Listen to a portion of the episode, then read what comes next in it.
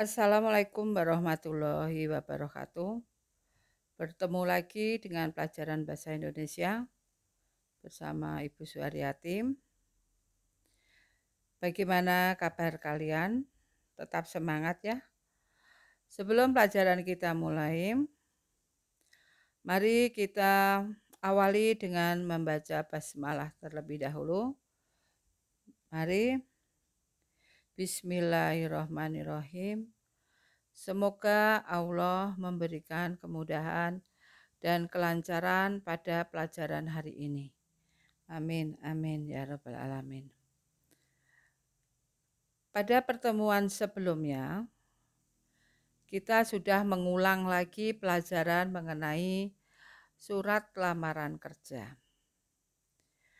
Kenapa eh, materi ini diulang lagi? Karena Materi ini sangat penting ya, surat lamaran kerja. Setiap orang membutuhkan surat lamaran kerja. Jadi untuk kalian nanti yang uh, tidak melanjutkan ke perguruan tinggi bisa langsung kerja, mungkin terjun ke dunia kerja, maka harus memerlukan surat lamaran kerja. Itu ya, kemarin udah Ibu jelaskan mengenai surat lamaran kerja. Sekarang kita akan mengulang lagi materi mengenai teks cerita sejarah. Ya, teks cerita sejarah. Teks uh, cerita sejarah cerita atau narasi rekaan yang mengandung unsur-unsur sejarah. Dalam teks sejarah, ada beberapa nyata, misalnya tokoh, nama tempat, dan peristiwa. Namun dalam teks cerita sejarah terdapat pula cerita yang sifatnya rekaan. Misalnya mitos-mitos asal-usul negeri atau kedatangan sebuah agama dan mitos alegori. Coba di sini uh, cerita sejarah ya. Ada unsur fakta ya, narasi. Masih ingat dengan narasi? Narasi itu cerita yang berdasarkan kronologi ya, bisa kronologi, kronologi waktu, tempat dan suasana. Kronologi ya ada kronologi waktu. Misalnya dari pagi eh, kronologi waktunya ditentukan di dijelaskan. Misalnya dari bangun tidur terus sampai dia berangkat sekolah. Itu kronologi karena pagi hari ya misalnya. Narasi. Sebuah cerita. Narasi dibedakan menjadi dua ada narasi sugesti dan narasi ekspositoris. Ya. Narasi sugesti, narasi yang berdasarkan khayalan. Sedangkan narasi ekspositoris berupa kenyataan, fakta. Maka dalam sejarah, dalam cerita sejarah ini ada narasi sugesti dan ada narasi ekspositoris. Ya. Narasi sugesti yang berasal dari mitos-mitos. Misalnya eh, cerita tentang sejarah Candi Prambanan. Itu berupa mitos, ya. Cerita tentang Candi Prambanan. Eh, tentang Bandung Bondowoso tokohnya dengan Roro Jonggrang, ya kan? Nah, Sedangkan yang fakta, yang ekspositoris, misalnya cerita sejarah tentang Pangeran Diponegoro, tentang Gajah Mada. Berarti itu ekspositoris. Tetapi kalau yang narasi sugesti, misalnya tadi eh, terjadinya atau terbuatnya candi Prambanan.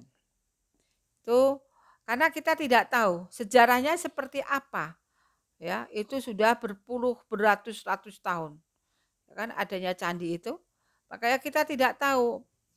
Itu bisa juga mitos, juga bisa berupa eh, apa namanya fakta. Tapi di sini eh, terjadinya candi Prambanan itu termasuknya legenda, ya legenda atau asal usul suatu tempat, suatu nama, suatu daerah. Misalnya ada candi Prambanan, kita tidak tahu itu entah fakta, entah uh, narasi sugesti, entah uh, ekspositoris. Tapi kalau sejarahnya Pangeran Diponegoro, Gajah Mada, uh, perebutan apa namanya uh, Laut Aru, berarti itu sejarah yang ekspositoris. Itu ya. Sedangkan ciri-ciri uh, novel sejarah yaitu menampilkan latar masa lalu disajikan secara kronologis, sering menggunakan konjungsi temporal. Uh, isinya dapat berupa fakta dan juga berupa fiksi dengan latar cerita berupa fakta. Maksudnya cirinya menampilkan latar masa lalu. Pasti menggunakan pada zaman dahulu. Itu ya. Disajikan secara kronologis. Tadi disajikan secara kronologis. Contohnya kronologis waktu, tempat, suasana, itu tadi yang Ibu uh, sudah jelaskan. Dan sering menggunakan konjungsi temporal. Konjungsi temporal itu pada menggunakan uh, temporal itu waktu. Ya, sejak itu, ketika itu, uh, zaman itu. Itu berarti temporal. Isinya berupa fakta atau berupa fiksi atau bisa fakta bisa uh, fiksi, cerita belaka, hayalan belaka. Contohnya tadi uh, Candi Prambanan. Itu berupa fiksi ya. Karena kita tidak ada uh, tidak tahu sejarahnya, cuma dari mulut ke mulut ceritanya itu pada zaman dahulu, dari mulut ke mulut. Dan tidak ada yang berupa tulisan siapa pengarangnya tidak ada. Makanya dinamakan fiksi. Beda dengan kalau yang berupa fakta. Contohnya tadi, eh, Pangeran Diponegoro, perjuangan Pangeran Diponegoro, Pangeran eh, perjuangannya Ki Hajar Dewantara, atau bisa juga eh, Gajah Mada, itu berupa fakta karena ada pengarangnya, ada nama penulisnya, dan bisa dibuktikan. Itu ya. Selanjutnya mengenai jenis teks cerita. Jenis teks cerita sejarah berdasarkan fakta sejarah. Fakta sejarah di sini disusun berdasarkan fakta sejarah benar-benar ada latar belakang kronologi peristiwa yang diceritakan dan penulisan dibumbui unsur-unsur sastra seperti dialog, yang dibuat cerita tersebut semakin menarik dibaca. Ada contoh ya pada roman sejarah seperti Herwibowo, Kupilih Jalan Gerilya, ya, roman hidup Panglima Besar Jenderal Sudirman, karya Rokayat Asura, dan Diponegoro, menggagas Ratu Adil karya Remi Sailadu. Ada contohnya ya, contoh teksnya. Ingat nama dia masih sangat harum di mata masyarakat Jawa. Dia masih disegani bahkan masih dianggap sebagai pemimpin mereka. Kalau kita bunuh, itu sama saja kita semakin dalam menanam kebencian penduduk kepada Belanda. Betul juga Jenderal kata Clarence. Kolonel ini juga menyadari keletihan pasukannya yang mulai ogah-ogahan menjalankan perintah andai pun ia melaksanakan untuk menyerang persembunyian di Ponegoro. Belum tentu berhasil karena semangat anak buahnya benar-benar drop. Kalau tidak menyerang, lalu apa yang akan kau lakukan? menangkapnya, lalu memberikan dakwaan, bahwa dia telah melawan hukum lalu kita hukum dia. Ini mengenai Diponegoro ya. Cerita sejarah Diponegoro.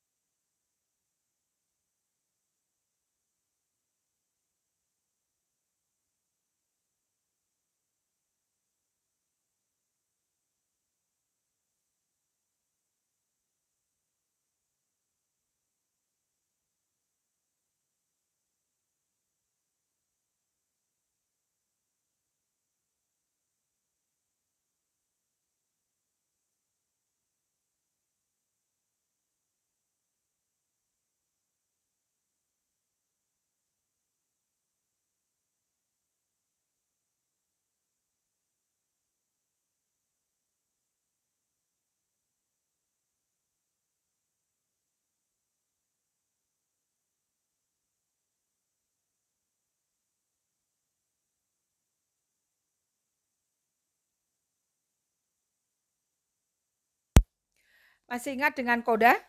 Masih ingat dengan abstrak? Apa itu abstrak? Abstrak ringkasan atau inti cerita. Abstrak pada sebuah teks cerita sejarah bersifat opsional. Artinya, sebuah teks cerita sejarah bisa saja tidak melalui tahap ini.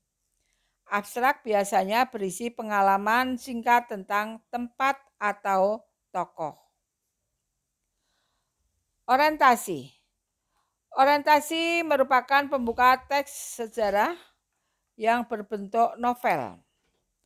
Orientasi berisi pengenalan tokoh dan latar cerita. Pengenalan tokoh berkaitan dengan pengenalan pelaku. Pengenalan ini meliputi kejadian yang dialami tokoh dan pelaku utama. Pengenalan latar berkaitan dengan waktu, ruang, dan suasana terjadinya peristiwa dalam cerita sejarah. Latar digunakan pengarang untuk menghidupkan sebuah cerita dan meyakinkan pembaca. Dengan kata lain, latar mengekspresikan watak baik secara psikis maupun fisik, secara psikis maupun fisik. Itu ya, itu mengenai orientasi. Jadi orientasi itu pengenalan. Pengenalan tokoh. Kalau dalam drama itu disebutnya prolog ya. Kalau dalam teks novel sejarah atau cerita sejarah disebutnya orientasi. Kita lanjut mengenai komplikasi. Komplikasi yaitu kejadian yang dihubungkan secara sebab akibat peristiwa satu disebabkan atau menyebabkan terjadinya peristiwa lain. Komplikasi muncul akibat muncul akibat suatu konflik yang diceritakan pada tahapan orientasi. Tahapan reaksi pelaku dan tokoh cerita terhadap konflik. Tahapan konflik dimulai munculnya konflik peningkatan konflik hingga konflik memuncak. atau klimaks ya. Yang ketiga yaitu mengenai klimaks. Klimaks yaitu puncak konflik sebuah teks cerita sejarah. Pada saat klimaks inilah konflik mencapai tingkat intensitas tertinggi. Ya, jadi klimaks ini puncaknya ketegangan ya, puncaknya ketegangan eh, konflik. Setelah ada puncaknya ketegangan konflik pasti ada resolusi, yaitu terpecahnya atau penyelesaian masalah. Tahapan ini ditandai dengan upaya pengarang mengungkapkan solusi dari berbagai konflik yang dialami tokoh. Yang terakhir ada koda. Koda bagian akhir dalam sebuah teks sejarah. Pada koda pengarang menyuarakan pesan moral kepada tanggapan terhadap konflik yang terjadi. Koda berisi nilai-nilai atau sejarah moral yang dapat dipetik pembaca. Koda bersifat opsional, artinya boleh ada, boleh tidak. Ya, jadi koda ini penutup ya. Ini uh, opsional, boleh ada, boleh tidak. Ya, dan koda ini biasanya berisi nilai-nilai ajaran moral yang dapat dipetik oleh si pembaca. Itu tadi mengenai struktur teks cerita sejarah. Yaitu strukturnya ada abstrak, ada orientasi, komplikasi, klimak, resolusi, dan koda. Yang kelima ada fungsi teks cerita sejarah. Teks cerita sejarah mempunyai fungsi yang diambil, dapat diambil pembacanya. Yang pertama, fungsi rekreatif. Apa itu fungsi rekreatif? Yaitu sejarah dapat digunakan sebagai sarana, sarana rekreasi pada pembaca merasa terhibur dengan membaca jalinan cerita dan dalam teks cerita sejarah.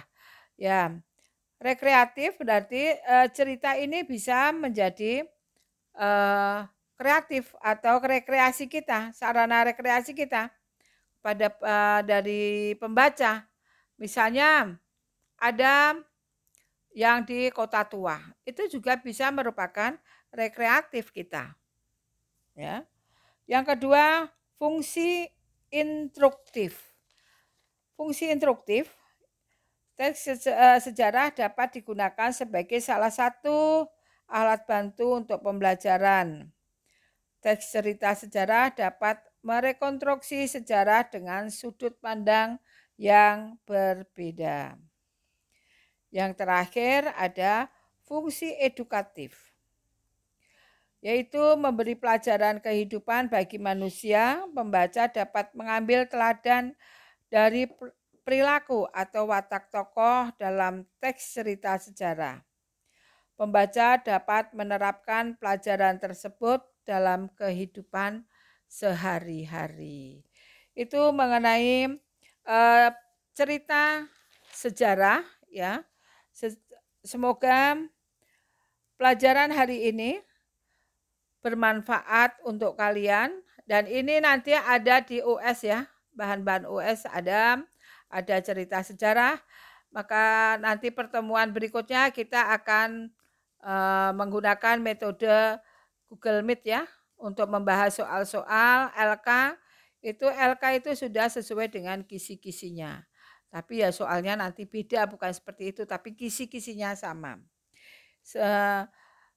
Saya kira Ibu kira cukup sekian saja pelajaran hari ini. Semoga kalian jelas mengerti mengenai cerita sejarah dan semoga bermanfaat pelajaran hari ini.